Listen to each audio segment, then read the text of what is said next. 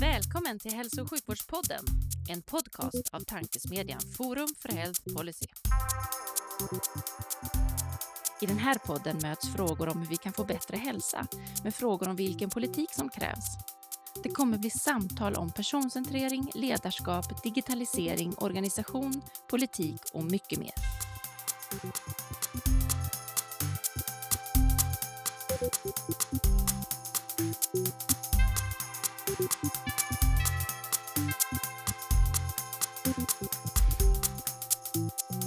Hej och välkomna till ännu ett avsnitt av Hälso och sjukvårdspodden, tankesmedjan Forum för Health Policys podcast där vi diskuterar de stora frågorna inom hälso och sjukvården med initierade personer från densamma. Jag heter Magnus Lejelöw och arbetar till vardags för Colivia men även ambassadör för Forum för Health Policy. Och vid min sida idag har jag vinnarna av Forum för Health Policys patientpris. Och tanken är att prata om priset och framtidens vård med Sven och Katajon. Men jag tänkte att vi ska, och först och främst varmt välkomna till podden. Det är jättekul att ha er här. Tack, Tack så mycket. jättemycket. Men alltså, jag tänkte att vi först skulle liksom sätta allting på, på, på kartan. Och, och, och, om man pratar om ett patientpris så utgår vi ju ofta från, från patienten. Och, och Sven, du har sagt att du gärna berättar om liksom, bakgrunden till, till att du sitter här som, som nöjd patient eh, och, och, och, liksom sätta allt i kontext. Så jag, jag tänkte slänga över bollen till dig direkt och säga berätta Sven. Ja, men tack för det. Eh, ja, jag heter ju Sven Jonsson, eh, 60 år, har bott i Stockholm i 33 år ungefär. Jag kommer ursprungligen från Hällnäs som kommer utanför Umeå uppe i Västerbotten. Ja, det hörs nästan att du inte kommer från Östermalm från början. Ja, det gör det. Ja. Absolut, så är fallet. Eh, nej, men att, eh, jag sitter med i podden eftersom jag är patient eh, och har då fysisk smärta liksom i, som grundar sig på en fallskada, men framförallt har jag en mental utmattning eh, så kommer det att jag har levt under extrem stress under, under många, många år. Och den här stressen kommer från att jag var anhörig till min fru Siri som haft cancer i 18 år och följaktligen så har det genererat en massa stresspåslag under de här åren. Och för att göra en liten kort överflygning vad det har inneburit eh, så eh, det började med att hon fick livmoderskroppscancer i, i min fru då 2003 och det här upptäcktes under en fertilitetsutredning, eh, vilket omöjliggjorde att vi eh, inte kunde få barn. Sen fick hon 2008 en näshålecancer som gick in i hennes hjärna. Eh, och då pausades ju vår adoptionsprocess som var på G. Eh, och sen eh, upptäckte man två metastaser 2011 eh, och de opererades ju då 2011 och strålades 2011 och 2012. Och det här omöjliggjorde ju vår adoption och bara här så är man, tycker man ju att vi, det, det räcker att bli över. Men eh, hon fick återfall, eller recidivt som man säger, på den ena metastasen. Så hon fick göra operationer 2013, 2014 och 2015. Och det var ju väldigt avancerade operationer som eh, var tvunget att göra då. Eh, eftersom metastasen satt dikt an mot halspulsådern det här är väl en väldigt tuff resa och eh, det, men till sist 2017 konstaterade man att man inte kunde göra fler operationer på henne. Så då var det vad man kallar palliativ situation, det vill säga att man in, det var inte behandlingsbart med avsikt för att bota. Eh, redan 2003 vid första cancer upptäckte man också att hon hade cystnjurar, eh, vilket medförde att hon då var tvungen, eh, eller kanske man ska säga, vart erbjuden möjligheten att få dialys behandling eh, som startade 2017. Och det är ju en livsuppehållande behandling. Men 2020 så förändrades allmäntillståndet för min fru eh, efter en liten hjärnblödning. Eh, hon fick också en nydebuterad epilepsi med eh, följd av det med kraftiga krampanfall och oktober 2020 så låg hon största delen inlagd på NKS, det här mångmiljardsjukhuset som finns i norra Stockholm, eh, i, i Karolinska i Solna. Eh, och februari 2021 så eh, vart hon inlagd på Ersta hospice. För då, då avslutar man eh, dialysbehandling, eller hon begärde att avsluta för att det fanns inget hopp om, om bot och bättring och hon var så slut så att. Eh, och normalt sett så lever man fyra till åtta dagar eller ja, kanske upp till tio dagar efter man har avslutat en dialysbehandling då man har haft under många år. Eh, hon levde i 27 dagar på hospice och jag var ju där hela tiden och sov där också. Eh, vi fick 25, 25 fantastiska dagar på den tiden innan hon avled 15 mars 2021. allt det här, alla de här 18 åren har ju lagt, pålagt en jättestor stress på mig. Eh, och eh, det är en, en konsekvensen som jag nu ser då liksom med eh, att eh, utmattning eh, och så vidare. Eh, så det är ungefär bakgrunden till vad, vad som har genererat den situation som jag idag lever i. Oj. Ja, det, var, det var ingen liten historia det där. Nej, Alltså- jag hoppas inte den varit för lång i alla fall, men det, men Men- det beskriver det hela. Ja, nej, nej, det var, det, den var absolut inte för lång. Det var väl snarare att man fick så många tankar kring liksom vad som, ja, men, både det här med att inte, inte kunna få barn och inte kunna adoptera barn i kombination med att någon liksom är på väg. Du ser hur liksom saker och ting bara läggs på. Ja, det var många eh, toppar de har trott, ja, nu liksom får vi eh, fertilitet, fertilitetsutredningen visar bra, ja, jippi, och så finner man cancer. Ja, vi kan få adoptera, vi har fått in i, i kö i Kina och sen så, nej, vi får en ny cancer. Så att, jo, det stämmer nu säger, det har varit många smällar. Och hur var liksom, vilka... Hur, hur, hur liksom, det här med barn till exempel, hur, Mm. hur, hur, hur, hur stor del blir det i, i och med att ens livspartner liksom har en, en stor sjukdom? Vad, vad, hur, varierar, hur, hur känns det? Blir den stor eller liten? Ja, Ja, alltså det, eh, för mig så var det eh, ett gigantiskt bakslag att inte få barn. Det var ju vad jag såg mest fram emot i livet egentligen. Och eh, min fru var ju adopterad, mina bästa vänner adopterade mina bästa vänners barn när jag adopterade. Eh, och jag ville inte adoptera efter vi hade fått bakslaget första svängen.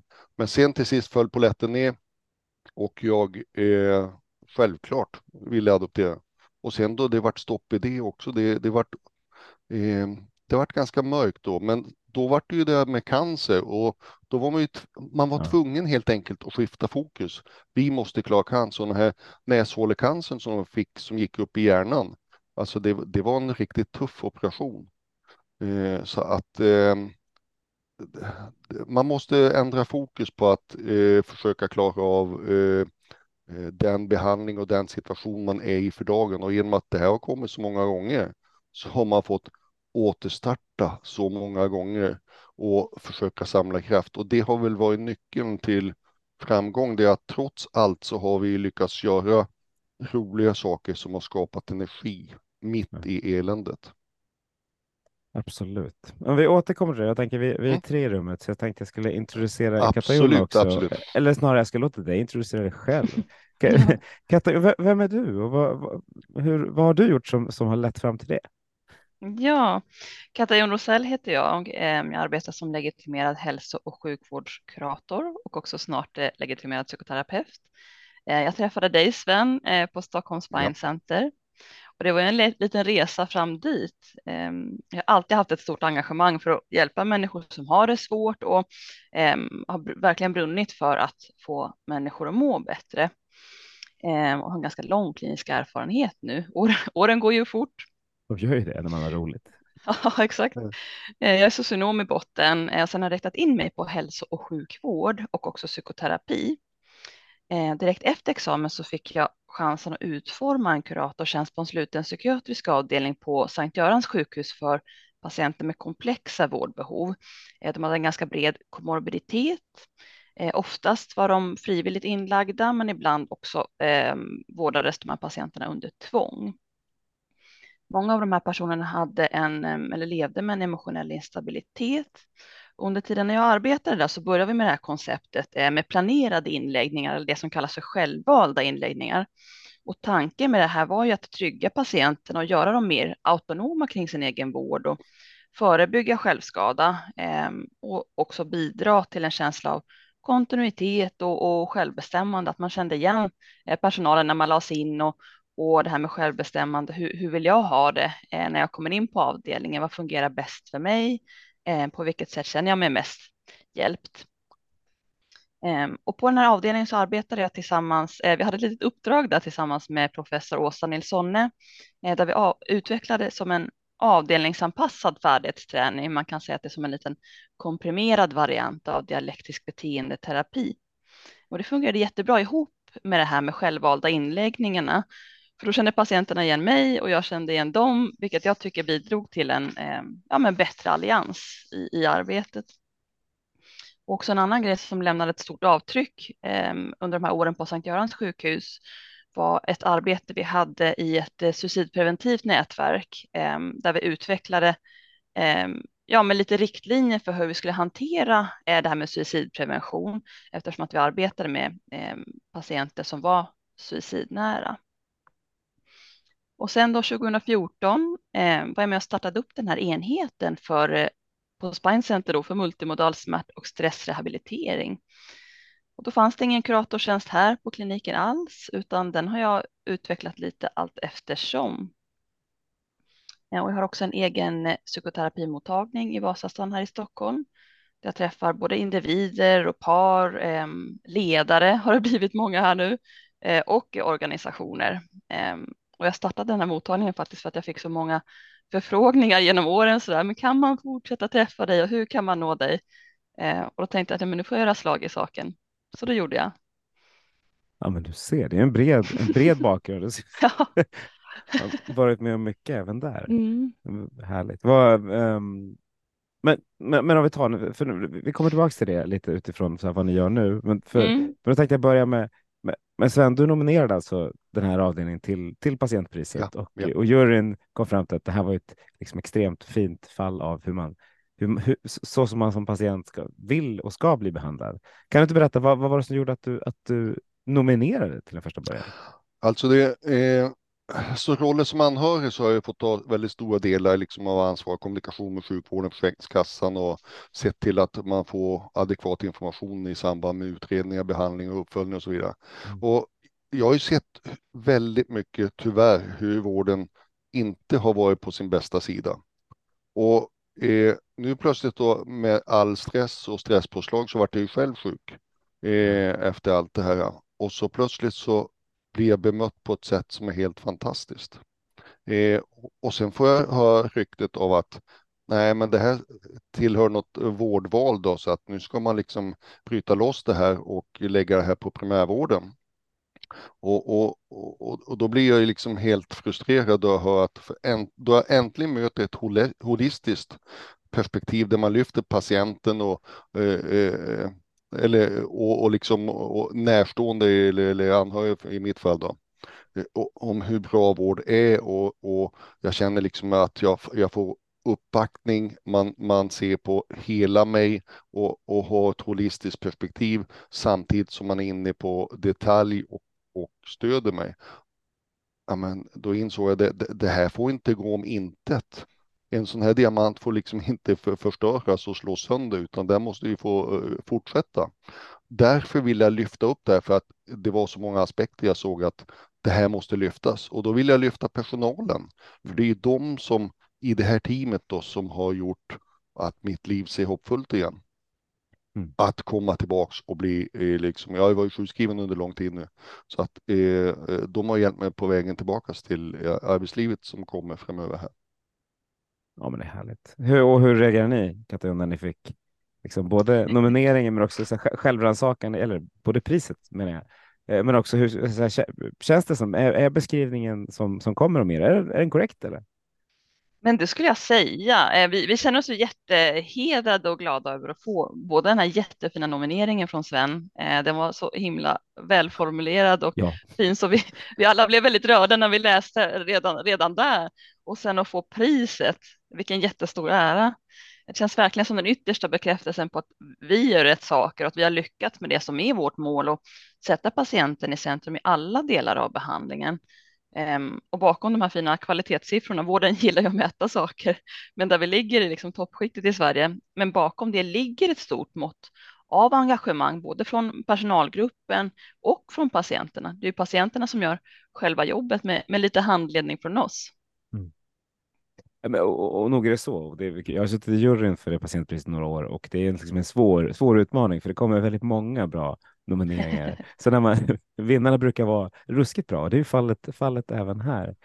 Eh, hur, om man, dilemmat, eller nackdelen med det ni har, det är att ni är ganska många specialiteter som liksom är runt patienten. Varför säger jag nackdel? Det är ju liksom så bra som det kan bli för en patient. Men hur ska man skala det för att kunna ta hand om, om fler patienter? För, för det är väl liksom den stora utmaningen, att det finns ganska många där ute som skulle behöva hela apparaten runt sig. Va, mm. Vad tror du? Eh, vi, på vår klinik, det är egentligen en ryggkirurgisk klinik i stort så och sen så arbetar vi på en eh, liten satellitenhet kan man säga med den här smärtrehabiliteringen. Eh, vi rehabiliterar, om jag nu har siffrorna rätt här, eh, över 300 patienter per år, vilket är eh, bland de flesta i Sverige. Mm. vi har jättegoda effekter av den här behandlingen. Som Sven säger, jag tror att vi har ett vinnande koncept här som vore lätt att duplicera eh, om man bara satte sig in i hur vi tänker och hur vi arbetar eftersom att det här har ju vi byggt från scratch. Eh, och jag tänker att en, en, skillnad här i den här typen av vård, kanske till skillnad från traditionell vård, är att patienten har en väldigt aktiv del i behandlingen. Så att istället för att vara, om man säger som en passiv mottagare av en intervention, så är patienten själv med och styr eh, utifrån de mål vi har satt upp med, med varje individ då i starten på rehab. Och målen bygger på det som patienten själv känner är centralt och glädjegivande i livet, just som det du beskriver Sven där tidigare, eh, att det är det som har fått dig att komma tillbaka. Ehm, men att just de här, de här ämnena ehm, eller de här sakerna är svåra att få till då på grund av den här smärtan. Eh, och då stöttar vi eh, patienten i att kunna ta små steg eh, för att nå sina mål. Ehm, och vi vill då öka liksom patientens medvetenhet kring sina egna mönster och lära sig lyssna på kroppen och hitta en bra aktivitetsbalans. Vi tänker att vi ja, men sår ett litet frö under behandlingen och, och, och vägleder och handleder, men att det mesta av arbetet gör patienten hemma i sin vardag där man tillbringar det mesta av sin tid. För det låter när du beskriver det, så det där skulle, borde vara bra i en mindre skala, liksom, mindre skala för en patient som men har en mild depression eller som kanske har, är på väg in i, har lite problem med fetma. Alltså det finns ju, mm. nu, nu har ni kommit till, till, till patienter som har ganska stora problem mm. eh, och då, kan, då, då har, man, har samhället råd att sätta alla resurser kring det. Men mm. man skulle vilja liksom skala upp den så att det är, även de som inte har fullt lika mycket behov, men som ändå har samma typ av behov skulle kunna få det. Och då, mm, brukar, vi, då mm. brukar vi säga att jo, jo, men det löser vi med digitalisering och nära vård. Och det tror jag inte man bara kan säga. Jag tror man måste göra något annorlunda. Eh, om jag spelar in lite där, eh, alltså vad, vad, jag, vad jag mött är ju det här med att den är ju fragmenterad vården och då liksom, jag har ju fått gått på ena stället och fått lite hjälp ja. och sen tar det slut. Ja, då får jag gå till nästa ställe och få lite hjälp. Oavsett om eh, behovsmängden är stor eller den är liten så är just att man får inte liksom en en, en övergripande synsätt och där man är personcentrerad. Mm. Och det har man ju verkligen lyckats i det här teamet. Och jag menar, det, det, är exakt det där att det goda exemplet måste ju spridas och komma fler till nytta. Det, det får inte vara så att det goda exemplet plockas bort. Jag har ju jobbat i vården i över 30 år liksom med, med medicinteknisk utveckling.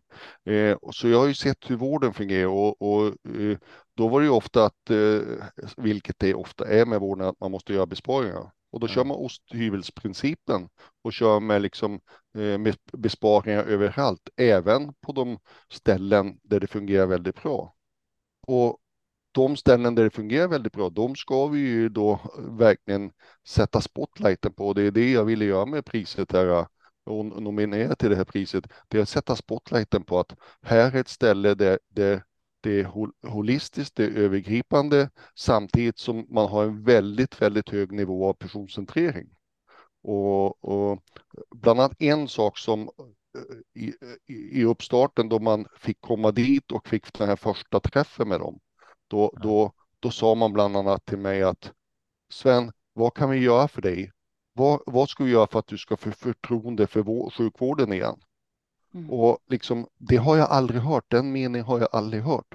Så då gick jag ut därifrån och de hade bekräftat i det här första teammötet att jag blir antagen. Då grät jag på vägen ut därför att första gången så fick jag se att yes, här tar man med flera professioner i ett team och ta ansatsen för att de ska verkligen se till att eh, jag kommer tillbaka. Mm. Många patienter som vi möter här på Spine Center har tidigare känt sig ifrågasatta och till och med lite avvisade av vården eh, och upplever en känsla av ensamhet och att man sitter och kämpar och inte riktigt blir hjälpt eller får rätt hjälp eller man till och med har känt sig förminskad eh, och inte förstådd och mött helt enkelt. Eh, man har upplevt att, att de vårdgivare man har mött inte har varit deltagande, om man säger så, i, i eh, till exempel när man berättar sin historia, att det blir som ett avvisande, att man, eh, ja, man har inte känt sig trodd helt enkelt och då har tilliten för eh, sjukvården försvunnit. Ehm, och det är vi jättenoggranna med här på Spine Center och beskriva att ja, men vi, ni är trodda, vi tror era historier och vi ser er och vi vill hjälpa er utifrån de förutsättningar ni har och, och med de erfarenheter ni har med det ni kommer in med i rummet. Det är verkligen en heterogen grupp vi möter här. Ja, det kan man säga. Kan jag fylla på lite Jag här kör. med en, en sak som, som jag tycker är väldigt, väldigt viktigt, men som så många gånger glöms bort. Och som jag också upplevde i det här fantastiska teamet. Och det är då man kliver in genom dörren och möter receptionisten så möter jag ett leende. Och då livet är tufft, då man är utmattad, då inte kraften finns, att de mötas av ett leende då man kommer in i, på vårdenheten. Alltså det förändrar situationer. Det är inget liksom magiskt, det är inget liksom eh, eh, digitalt, det är inget, utan det är personligt bemötande. Och det betyder så mycket. Och det var ju ytterligare en del varför jag ville lyfta de olika eh, eh, yrkesgrupperna här som vi hade mött i teamet som eh, kuratorn, receptionisten, psykologen, eh, fysioterapeuten och läkaren. Eh, och inte som det ofta är då det är priser, att det är verksamhetschefen som får det och, och inte de som står för den stora förändringen, det vill säga de som möter patienten. Mm. Är det, eh, två bra saker med det. För först att jag älskar det där med bemötande. Jag, minns eh, verksamhetschefen, för att ta en verksamhetschef då, Sven, eh, Mm, på ja. orto, ortopeden på SÖS 2009 eller så. Han, han sa det att ja, men han, han, han tyckte att receptionisterna var lite, de var inte så, så liksom kundvänliga som de borde vara. Så han skickade dem till Clarion Sign där de fick jobba i två veckor och liksom lära sig. Okej, hur gör man här då? För det var där han tyckte att han blev liksom bäst bemött. Mm. Och, och, och då visar man ju lite det du säger, men det är där, det är ju liksom den första, det är nyckeln att, att man kommer in och, och möts av någonting. Eh, sen krävs det ju, precis. Så det, det, det är liksom, liksom den ena delen. Den andra delen är att jag tycker du verkar vara en ganska beläst patient. Det, det är ju inte så konstigt eftersom du jobbat inom sektorn. Hur tror du det har varit en fördel för dig i liksom sättet att, sättet att, att eh, jobba, kanske inte liksom jobba som patient lät ju inget bra, men att vara patient och anhörig i, på, på, in, inom liksom Stockholmssjukvården i allmänhet och på Spine Center i synnerhet? Alltså det är, jag har ju under hela den här perioden har jag haft lite analytiskt påslag liksom och tänkt okej, okay, vad är det som funkar, var, varför funkar inte och så vidare. Mm. Och eh, då har jag reflekterat väldigt många gånger på eh, innan jag då eh, ger en eh, konstruktiv kritik. Men det är inte alltid i den stressade vården att den konstruktiva kritiken eh, tas emot med öppna armar, utan man tycker bara jag är en besvärlig patient eller besvärlig anhörig i det här fallet. Men att eh, jag håller på att skriva en bok eh, för att berätta alla historier om eh, vad som hänt under de här 18 åren, tills, eh, vad, hur det har varit en, en anhörig till en med, med två eh, livshotande sjukdomar. Eh, och varför jag skriver boken är ju eh, dels kanske det finns ett terapeutiskt eh, liksom en fördel med det, men framförallt är det för att kunna lyfta upp det jag sett som eh, anhörig, men, men också med en väldigt stor och god förståelse för hur sjukvården fungerar. Jag har ju också varit doktorand på Karolinska institutet, så jag har ju en bakgrund att titta på sjukvården och vad, vad som är framgångsfaktorer och vad som är hinder i, i, i sjukvården. Och dock har jag haft fokus på medicinteknisk utveckling. Mm. Men det här har hjälpt mig att eh, kunna stötta min fru så att hon har fått optimal vad ska jag säga, eh, respons från sjukhusen. Och alla är ju så, exakt som du säger, jag är en spetspatient som anhörig och jag kan ju då eh, argumentera och hjälpa sjukvården som anhörig vad som fattas och vad som behöver göras. Men den som inte är det, det är ju den jag vill eh, liksom eh, hjälpa i och med att jag ska peka på vad som inte fungerar så att det blir alla till del. Så att det är inte för min egen del som jag vill identifiera bristerna utan det är för att systemfel ska försvinna i sjukvården. Jag håller med och det, och det är väl det som är liksom nyckeln, att vi vill ju att alla ska bli mer spetspatienter. Eh, alla kommer inte att vara det, för det krävs liksom att man får både att man är väldigt engagerad i sin sjukdom, men att man också har liksom någon slags kunskap från tidigare. Men, men vad tror ni? Hur, hur ska vi göra? Hur ska vi utbilda och utveckla patienterna i Sverige så att de blir mer mottagliga för, för den vården som faktiskt är väldigt bra där ute?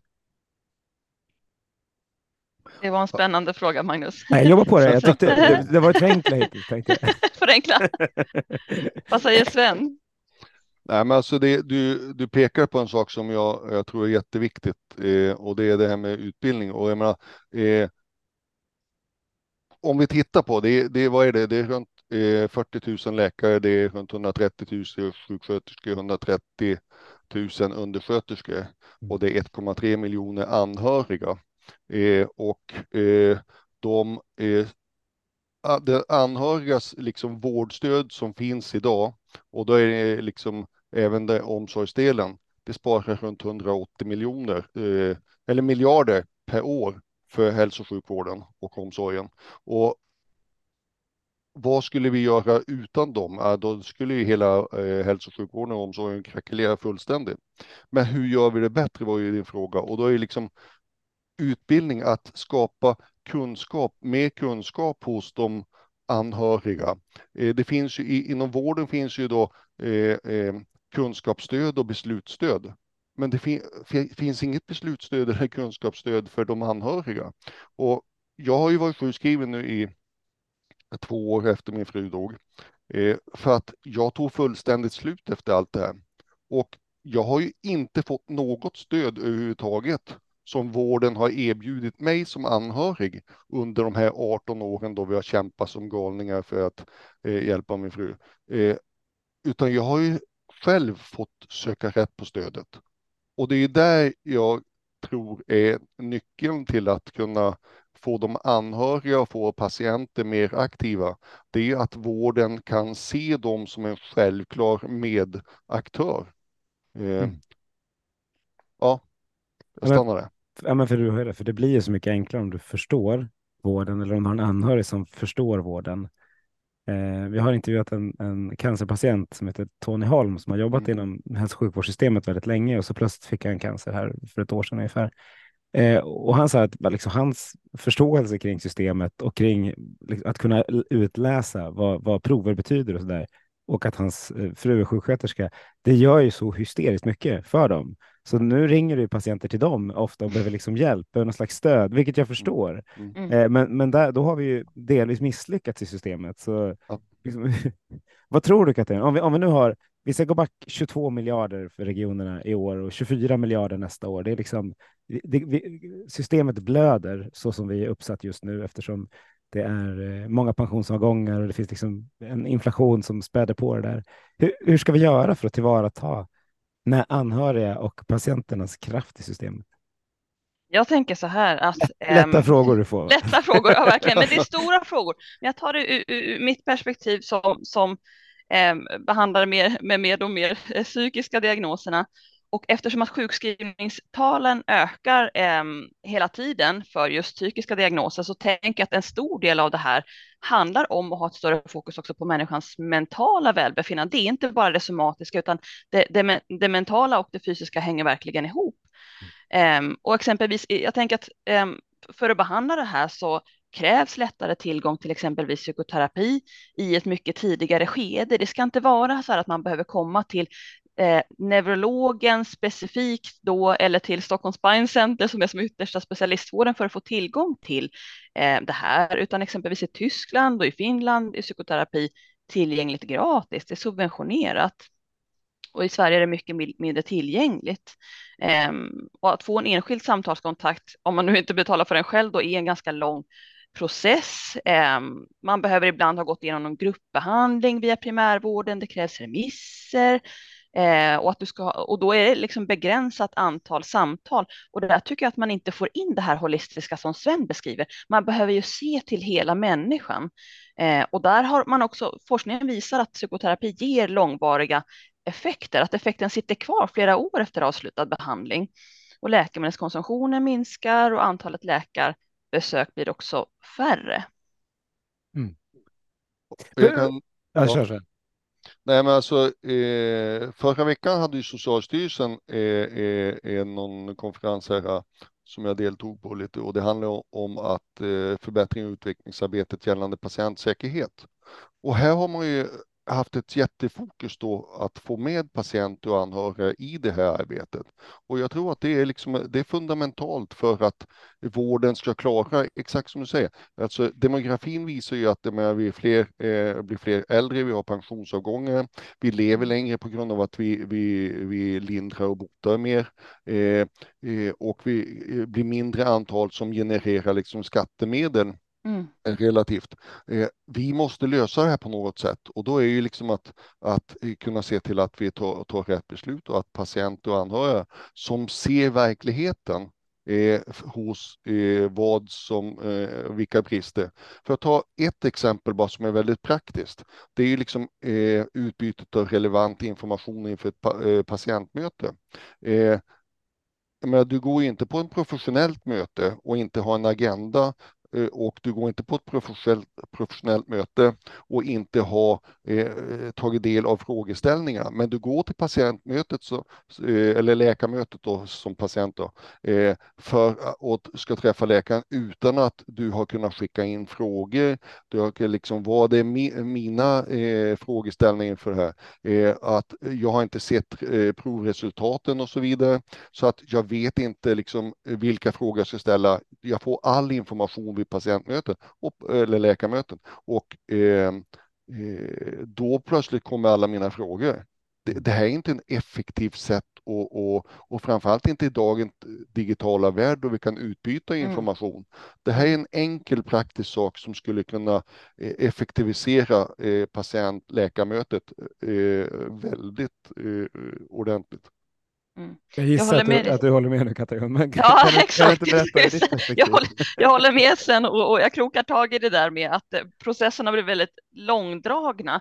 Jag kan mm. också se det i mitt yrke att vi är ju eh, ålagda enligt lag att samverka till exempel med andra myndigheter. Och när patienterna kommer hit så, så eh, upplever de att eh, de får berätta samma historia om och om och om igen. De tror ju att vi delar journalsystem. De tror ju att, ja men vet du inte om det här redan? Nej, säger jag, för jag kan inte se andra myndigheters eller alla andra sjukvårdsinrättningars journaler. Eh, så vi saknar egentligen väsentlig information kring patientens situation, alltså information som hade hjälpt oss att hjälpa patienten på ett bättre sätt. Det finns inte tillgängligt. Ehm, och vad gäller samverkan med andra myndigheter, som vi tar ett exempel eh, som jag stöter på tämligen ofta tyvärr, är hur det fungerar med Arbetsförmedlingen just nu.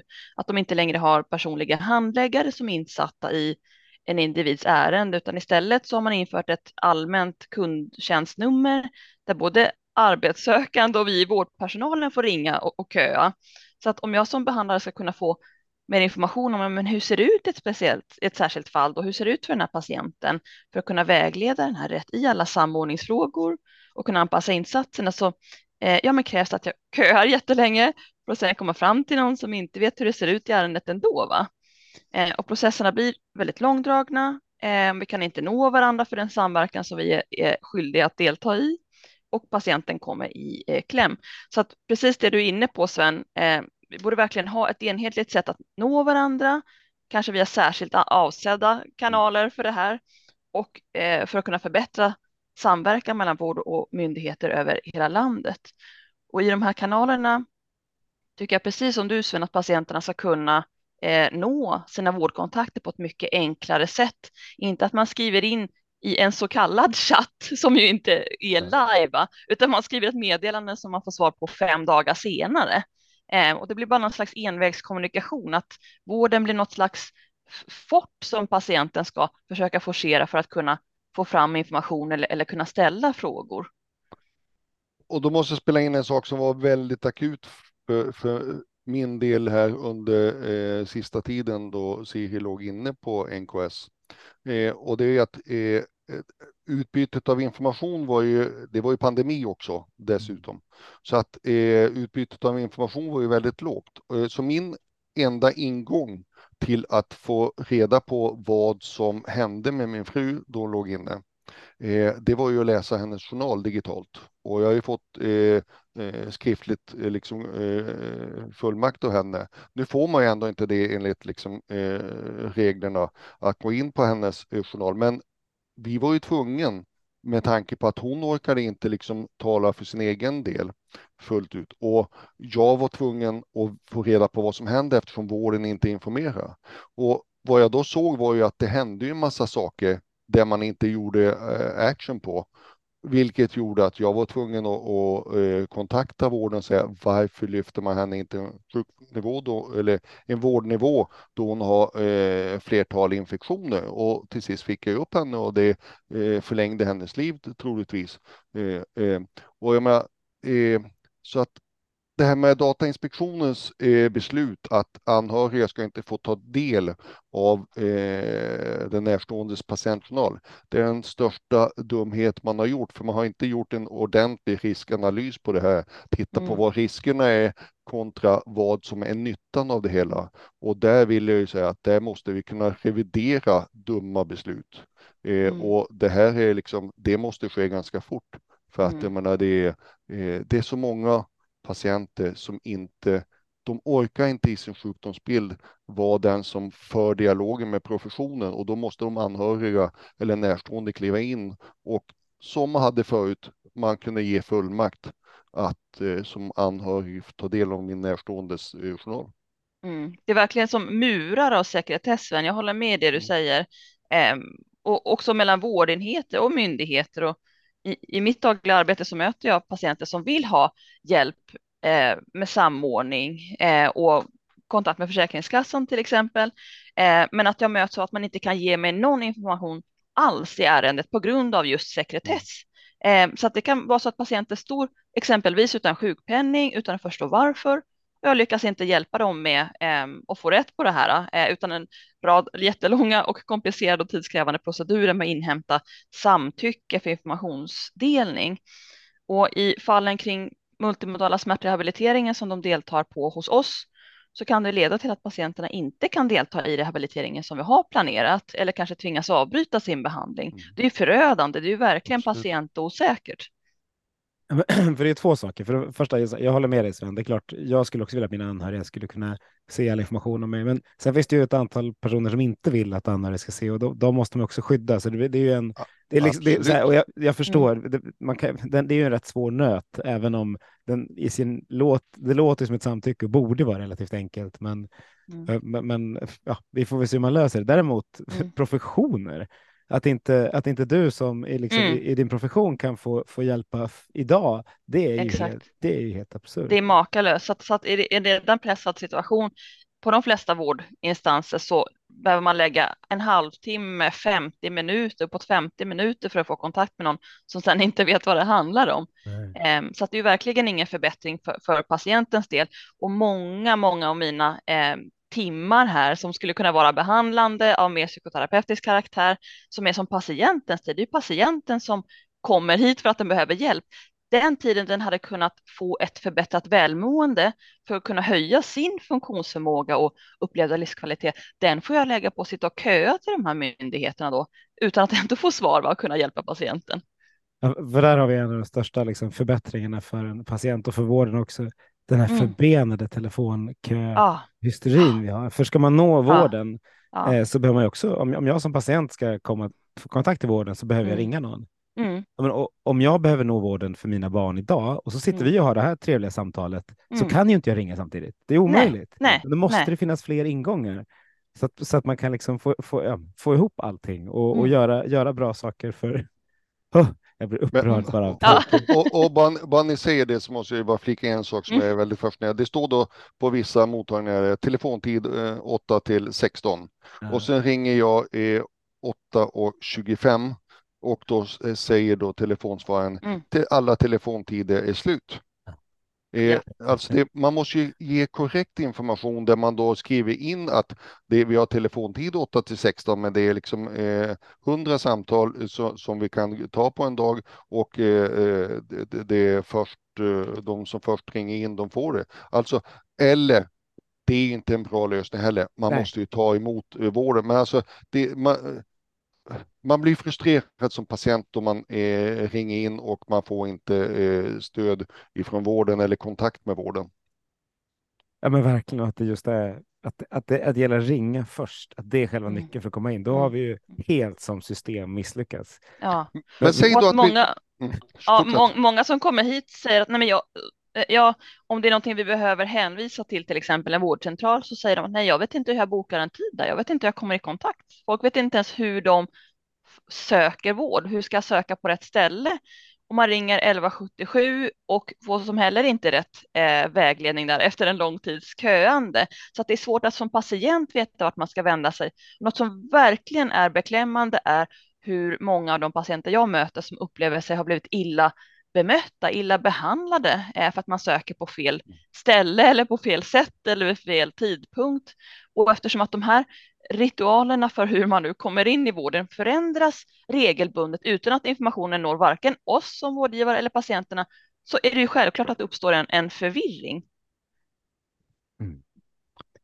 Ja, men, men nog är det så. Sen ska vi, ja, men, vi pratar mycket om, om patientpåverkan och medverkan eh, Mm. och, och, och när vi tittar på vilka det är som bjuds in i de här olika samverkansformerna så är det patientrepresentanter i olika former. Eh, Du är väl det också Sven, tänker jag?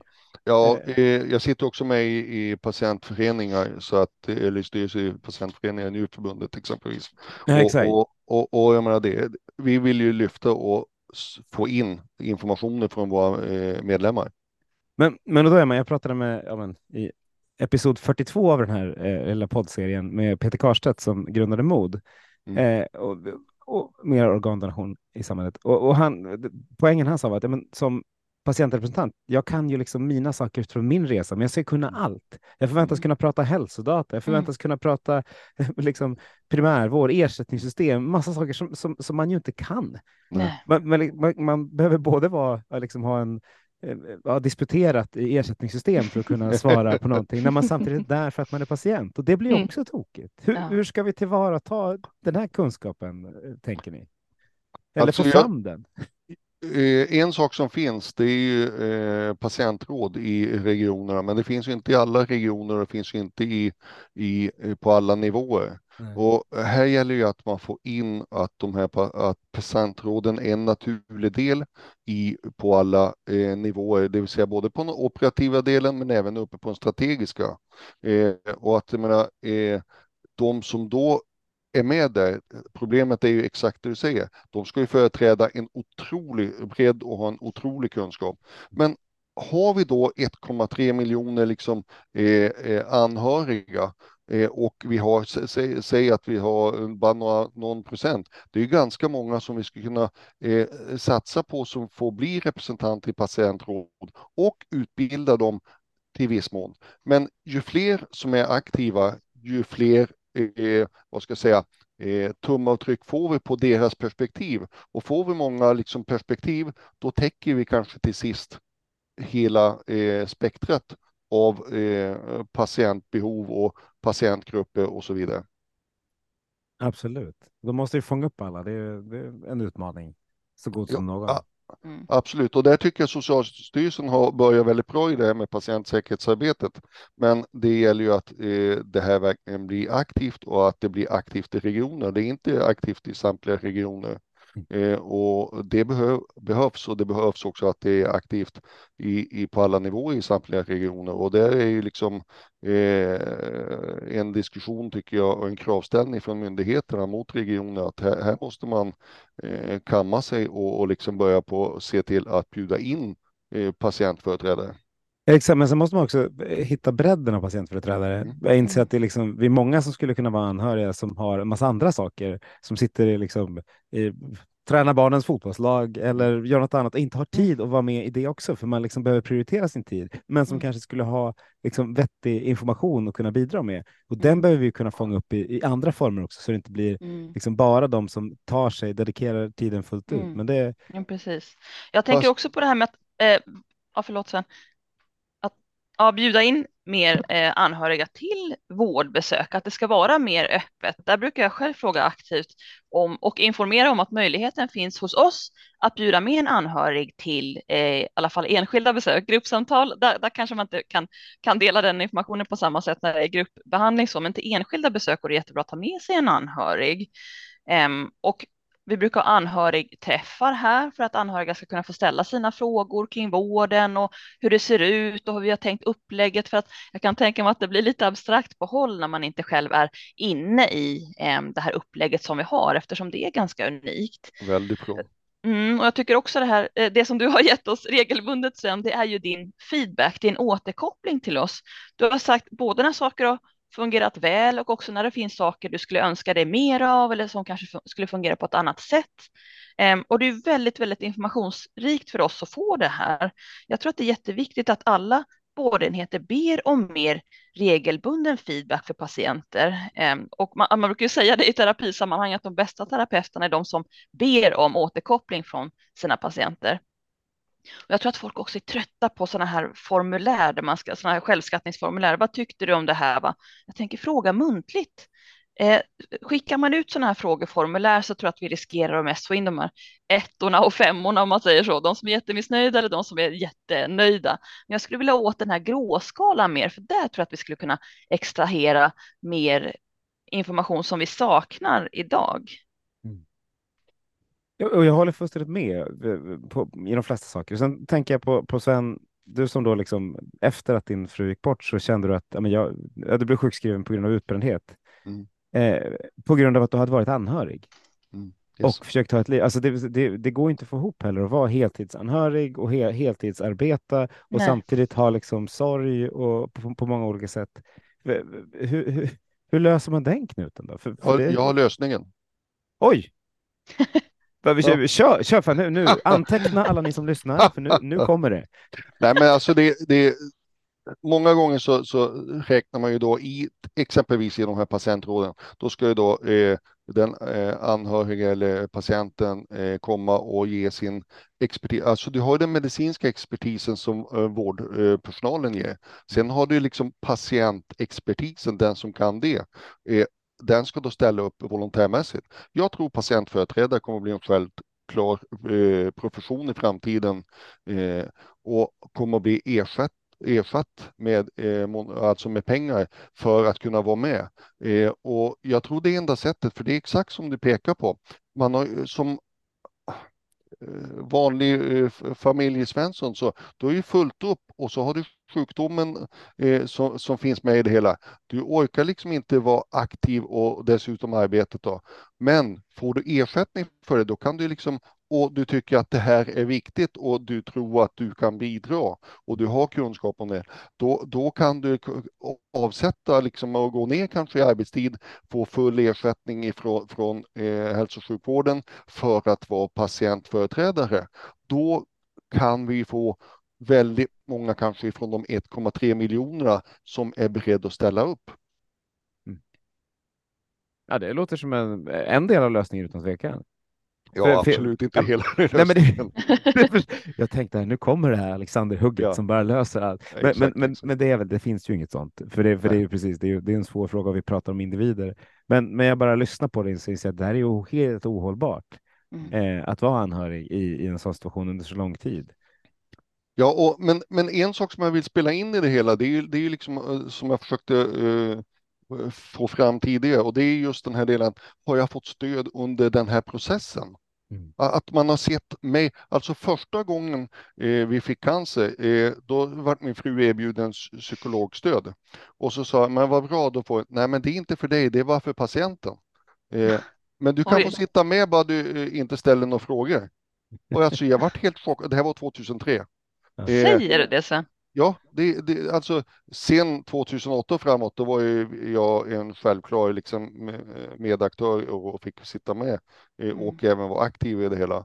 Men mm. alltså att eh, det är jättekonstigt att man som eh, ska stödja patienten inte får stöd under resans gång. Mm. Och, och det, där tror jag liksom att börjar vården på titta på det, då kanske man kan se till att vi inte blir sjuka också. För jag, alltså nu har jag varit sjukskriven i två år, nu är jag på väg tillbaka så tack vare Katajon med team.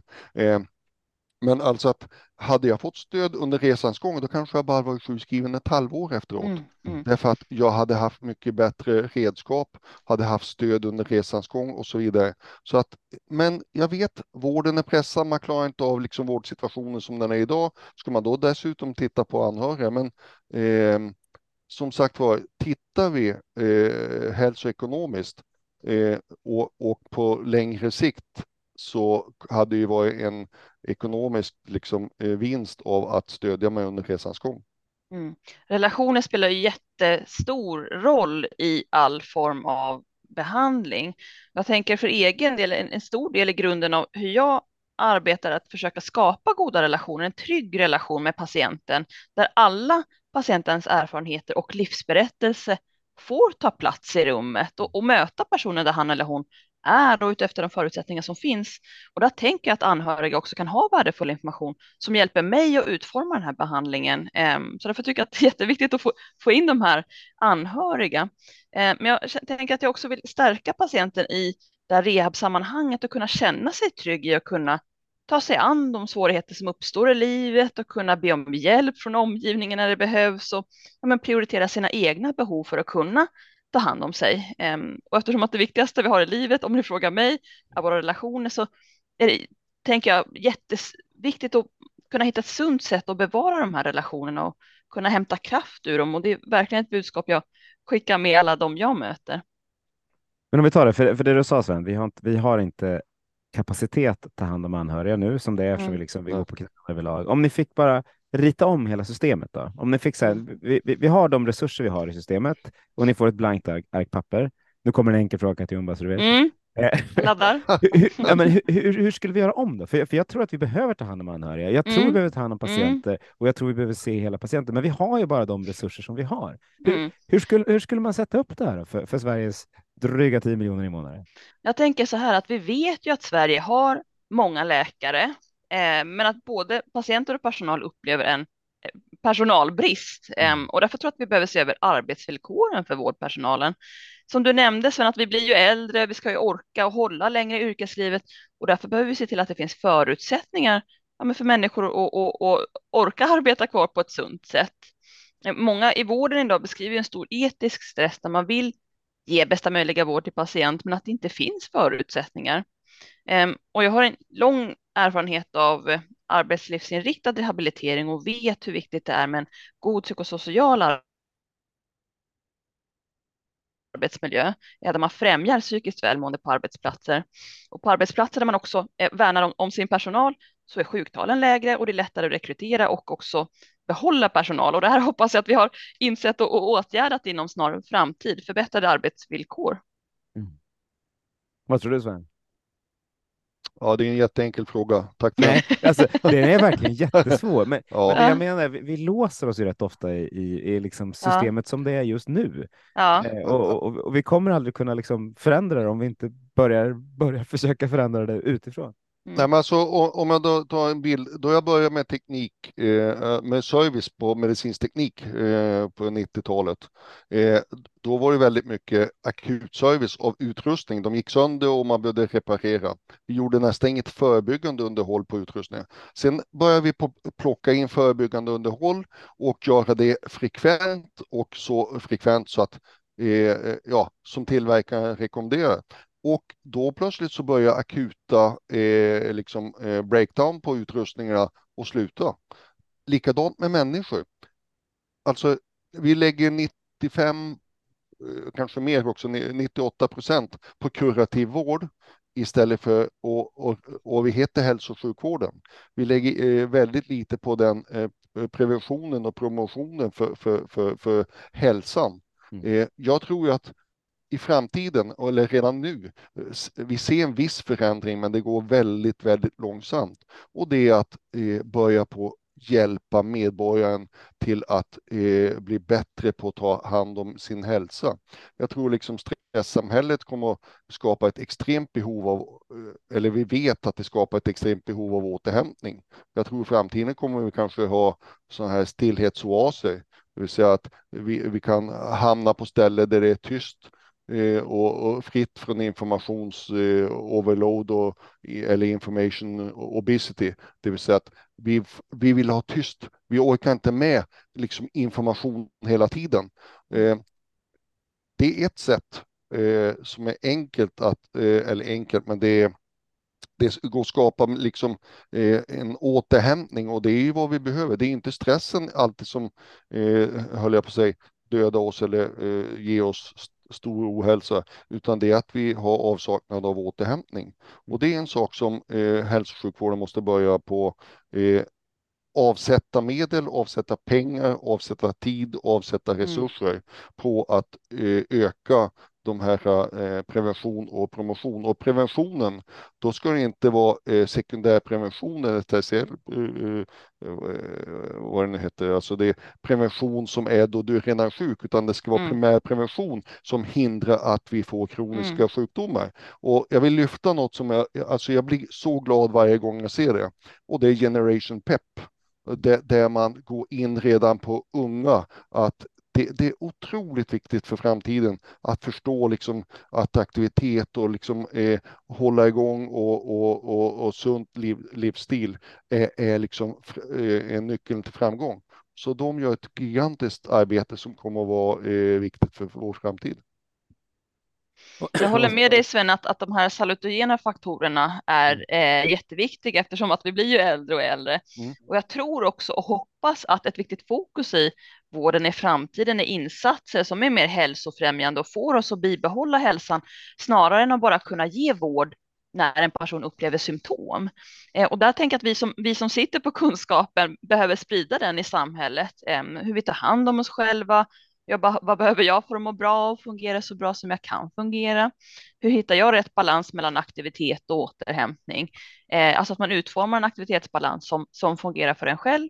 Eh, hur bör jag prioritera aktiviteter i vardagen och för att hushålla med energin så att jag både orkar arbeta och har en balanserad fritid. Jag tycker allt för många som jag träffar beskriver att ja, men all energi går åt arbete och fritiden är bara återhämtning. Ni är ju inte jättesvåra att föra ett samtal med eftersom ni, eller ni är svåra eftersom jag knappt får in en syl i vädret. Ni säger så många bra saker.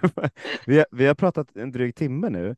Eh, när ni kom in i det här digitala rummet, var det någonting ni kände att så här, det här hade jag också velat lyfta? Eh, för, för jag hade ställt några frågor i förväg. Jag har knappt tagit upp någon av dem, för vi har haft stickspår överallt, vilket är väldigt roligt. Eh, ni är ju underbara att intervjua på det sättet. Men, men, men Katarina, du kom in i det här, i det här digitala rummet, var det något du hade mm. så här, det här hade jag velat prata om? Ja, två saker. Naturligtvis. ja, två saker. jag tänker på det här med ensamhet eh, i vårt samhälle. Dels relaterat till det här du säger Sven, det är otroligt mycket information för många eh, och samtidigt känna sig andra väldigt ensamma och isolerade. Och eftersom att våra sociala relationer i stor utsträckning påverkar vårt välbefinnande och vår hälsa eh, så tänker jag att ja, men relation, vi behöver fokusera mer på relationer. Eh, och många äldre som jag pratar med, jag tycker om att prata med människor som du kanske märker. Ehm, min make tycker att jag intervjuar alla jag träffar. jag har pratat med många äldre som, eh, och, och, och frågar men vilka livsråd har du att ge till yngre personer eller till den yngre generationen? Och ofta rör de här råden eh, att ta tillvara på relationen med sina nära och kära. Eh, och det får mig att tänka på att upplevelsen av ensamhet och nedstämdhet är stor bland äldre och också på äldreboenden där man ser att suicidrisken bland äldre också ökar vid ensamboende och vid depression. Så den här gruppen skulle jag önska att man eh, kunde möta upp lite bättre. Det är punkt ett och sen punkt två då, nu när jag fick en öppen fråga här från det fick dig, Magnus. så, så ser jag på eh, samhällsutvecklingen i stort och där önskar jag också att, att psykoterapin blir mer tillgänglig för mer marginaliserade grupper, att man försöker möta upp grupper kanske med annan kulturell bakgrund eller som ja, kanske är eh, mer strukturellt sett exkluderade ur samhället. Jag försöker själv tänka på det. Jag pratar flera språk och ibland tar jag emot patienter på persiska eller på finska och jag märker hur viktigt det är att kunna få dela sin berättelse till exempel på sitt modersmål. Att vi har vården mer tillgänglig på andra språk kanske, där man har mer kunskap om andra kulturer. Men jag tänker också på sådana här avhopparverksamheter. Vi alla har ju tyvärr sett den negativa samhällsutvecklingen med fler och fler yngre personer som hamnar i kriminalitet och de här skjutningarna som verkligen drabbar oss alla. Mm. Och en stor rädsla har jag fått reda på eh, i sådana här avhopparverksamheter för personer som vill utveckla en mer ska man säga, icke-kriminell livsstil är rädslan av att eh, börja om livet från noll på en annan plats. Ni vet att man, man behöver ju klippa alla sina relationer, bryta med familjen, bryta med vänner och byta plats rent fysiskt i de här programmen. Och det är få som klarar av det här just på grund av att man blir så isolerad av eller från familj och vänner. Och den här ensamheten och rädslan tror jag att man behöver stöd för att kunna ta sig vidare och eh, ja, men vidmakthålla en icke-kriminell livsstil. Det var två punkter jag funderade på. Eh, två stora och, och fina punkter ja. som jag gärna hade djupdykt i båda. Ja. Så att jag, jag, får liksom lämna dem ut i, ja. slags... ut i eten. ja, ut i eten. Ja. Och så tar vi, tar vi med oss dem, för de, de behöver tänka på. Mm. Eh, utan tvekan. Sven, då, var det något du hade velat prata om som du inte har fått lyfta? Eh, jo, alltså det finns så mycket man, man vill prata om för det här är så viktiga frågor och det är därför är jag tacksam för den här möjligheten vi har. Eh, nej, men två, om jag tar två saker också. Eh, så är, dels eh, så hoppas jag att vi får mer smarta och långsiktiga analyser innan vi gör förändringar. Och det är liksom varför jag pekar på det är just den här delen, varför jag lyfter patientpriset och eh, eh, varför jag nominerade det här teamet. Att våga revidera dåliga beslut och låta effektiva verksamheter få fortsätta. Och, eh, för det är katastrofalt då bra verksamheter slås sönder. Det, och vi måste vara tillräckligt smart för att kunna våga revidera dåliga beslut. Det är en, är, är liksom en, en övergripande del. Men Sen en annan sak att patientmötet blir mer effektivt. Jag har pratat om det här med att man utbyter frågor och information innan patientmöte. Men en annan sak är att varje gång jag eh, möter läkare eller vi möter läkare så, så har det varit liksom de tittar in de här journalsystemen som är textbaserade. Eh, och tänk om både vi som patienter och även läkarna kunde ha flerdimensionella trendkurvor istället, mm. istället för en massa text. Det vill säga på ett ögonblick så ser vi liksom, med, med, med, om vi har flerdimensionella trendkurvor så ser vi vart vi är på väg, åt vilket håll för patienterna då det gäller hälsan. Och jag som medveten patient skulle må väl, eller jag har ju en massa sådana saker eftersom jag jobbar med digital utveckling. Men alltså det, för mig är det ett stöd att se, okej, okay, här eh, har, har vikten eh, gått upp på mig, ser jag på liksom vågen. Men aha, det gör ingenting, för fettet har gått ner. Och då skapar det liksom en positiv injektion till mig så att jag förstår det positiva av det resultat som jag mäter. Mm. Och sen en enkel sak som kommer in lite på eh, eh, Katajons del här, eh, som jag hörde här på, på, på, patientkonferensen. Det var en, jag tror det var en 13-årig pojke som sa, vad, vad, vad skulle du vilja se för förändring här? Jo, jag skulle, han var allvarligt sjuk och liksom de pratade med honom. Jag vill att de ska tilltala mig med namn. Mm. Det vill mm. säga det personliga mötet i vården som är så oerhört viktigt. För en, ja, men, och gå till min livssituation, än hur jobbigt det har varit då jag exempelvis kommer nu till Katta Jons arbetsplats och möter eh, eh, receptionisten och jag får ett leende. Plötsligt så liksom förändras situationen fast ingenting har förändrats. Mm. Du sa det till mig också Sven att eh, i början när vi träffades, jag hoppas att, att det är okej okay för dig att jag delar det här, mm. men, men eftersom att vi är in, inne på temat så, så sa du att, eh, att du blev rörd och tacksam över att jag tilltalade din frus namn, att jag sa mm. Siri, att det var viktigt mm. för dig. Absolut. Och det, det är liksom, ehm, eh, och, och, jag konfirmerar ju till dig också att det här, det betyder så mycket för mig. Det, så jag, jag återigen jag är så tacksam för er insats. Det är så häftigt att de ganska små sakerna är, är mm. de stora sakerna i sammanhanget. Man vill komma till vården, man vill bli personligt bemött, man vill mm. bli sedd. Det är ju egentligen liksom, borde ju bara vara allmän hänsyn som Mm. borde finnas där, men som Mm. inte är så lätt. Eh, Jag tycker det blir jättefina sista ord och jag tackar varmast för en jättetrevlig podd. Även om ämnet är ganska mörkt så, så blir det liksom ett ljust, eh, ett ljust samtal, vilket jag tycker är viktigt. Tack, tackar varmast Katarina och tackar varmast Sven. Tack, Tack så mycket Magnus och tack så mycket Sven. tack själv.